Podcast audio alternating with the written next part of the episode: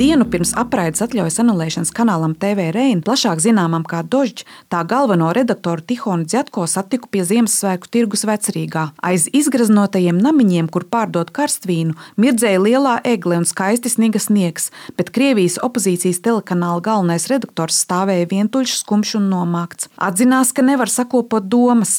Sarunas laikā Tihona labi nostādītā balss atkal skanēja pārliecinoši. Cerība, ka Latvijas elektronisko mediju regulators, novērtējot dožu lomu Krievijas noziedzīgās politikas izgaismošanā, pēc trim noteikumu pārkāpumiem tomēr dos iespēju labot ētrā pieļautās kļūdas, izdzisa otrdienas rītā. Sagaidītai Latvijā ar sirsnīgu atbalstu, Dožģa komandai nācās sākt apsvērt jaunus nākotnes scenārijus. Tihons Zjatko man bija atzinies, no sirds negribas braukt prom no Rīgas. Latvija viņiem jau sākusi kļūt par otrajām mājām. Daudzi doži darbinieki mācās latviešu valodu. Я очень люблю Ригу. Это прекрасно. Es ļoti mīlu Rīgu. Tā ir brīnišķīga pilsēta. Mēs šeit esam brīnišķīgi nobāzējušies. Mūsu bērni iet skolā. Mēs tieši tagad sākam iepazīties ar šīs pilsētas noslēpumiem, tāpēc es ļoti negribētu runāt par to visu pagātnē. Dziatko dzīve šogad bijusi izkaisīta starp trim valstīm.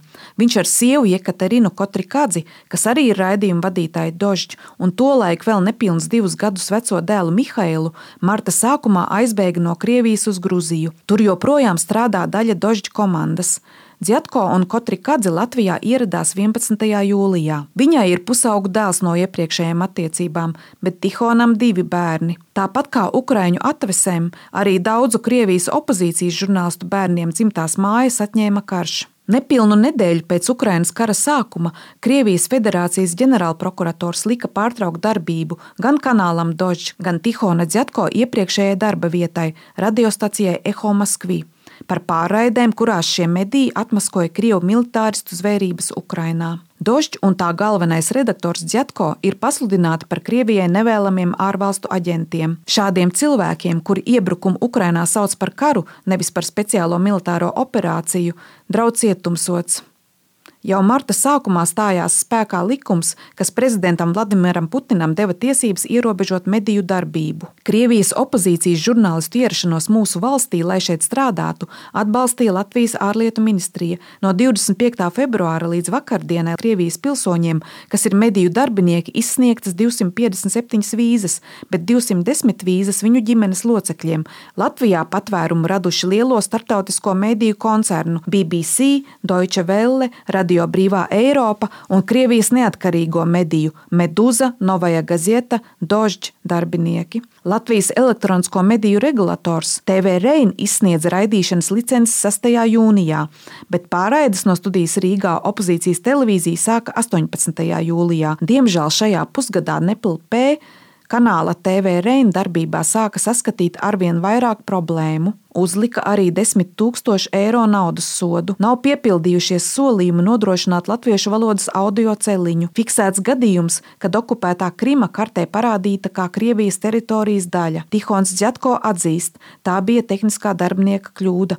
Viņš pats 2014. gadā Krievijā parakstīja petīciju pret Krimas aneksiju. Krievijas armijas nosaukšana par mūsu armiju Dožģa galvenais redaktors skaidro ar retoriku. Tieši tā auditorijai Krievijā vislabāk sajust līdzatbildību par Putina karaspēka noziegumiem, bombardējot Ukrainas pilsētas un ciemus. Arī kļūdu raidījumā šeit un tagad, kur Dožs darbinieks Aleksejs Korosteļovs no Gruzijas studijas pauda līdzcietību vardarbīgi uz Ukrainu nosūtītajiem Krievijas puišiem un solīja palīdzēt ar aprīkojumu un elementārām ērtībām frontē, Dziotko uzskata par nepieņemamu. Balstoties valsts drošības dienesta rekomendācijās, kā nojaušams tieši šīs kļūdas dēļ Neplpē otrdien TV Reina apraides licenci atņēma. Kāds paradoks nevēlama Krievijā, dumpīgā Dožģa komanda tagad ir netīkama arī Latvijā, saku Tihonam Dzjatko. Viņš atbild. Nu, Te nav jautājums tikai par Putina režīmu vai Latvijas regulātoru. Katru mēnesi YouTube kanālā Dožs skatās ap 20 miljoniem cilvēku. 5% no tiem dzīvo Ukrajinā. Šie cilvēki skatās Dožģi, jo mums ir reputācija, ko esam sastrādājuši ar katru ēteru stundu 12 gadu laikā. Šādi izteikumi ļoti smagi iedragā reputāciju. Ir cilvēki, kas patiešām sāk domāt, ka Dožģi nodarbojas ar Krievijas Krievijas armijas nodrošināšanu, tas nav pieņemami.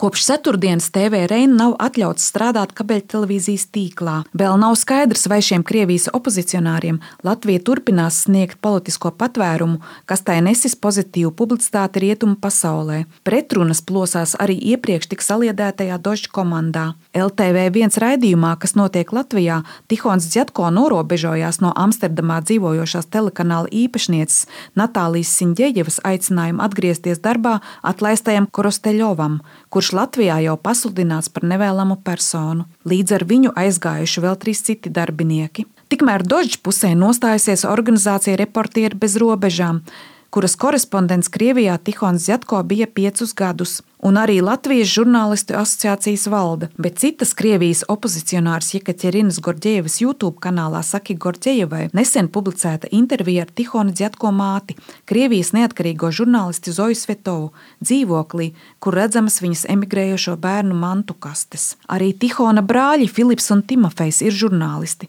un ir devušies prom, bet mamma šobrīd raksta grāmatu par savas ģimenes represiju vēsturi. Tihona tēvs, matemātiķis Viktors Zietko, strādāja Aleksandra Solženicina fondā, palīdzot politieslodzītajiem. No visiem dēliem Tihons ir vislīdzīgākais tēvam, lielākais disidents. Tikai tad, kad Tihonam pēc doža bloķēšanas Krievijā sāka pienākt draudu izziņas, tinies prom no šejienes, mamma sacījusi: aizbrauc. Kāpēc, lai viņas bērni sēdētu Krievijas cietumā, ja tur jau sēdējuši viņu vectēvs un vecvectēvs? Un tagad es redzu, ka maniem bērniem bija pareizi braukt prom no Krievijas. Viņiem bija jāaizbrauc, lai no citurienes varētu turpināt cīnīties. Intervijā secina Tihonis Jatko mamma. Ieva Puķa, Latvijas radio.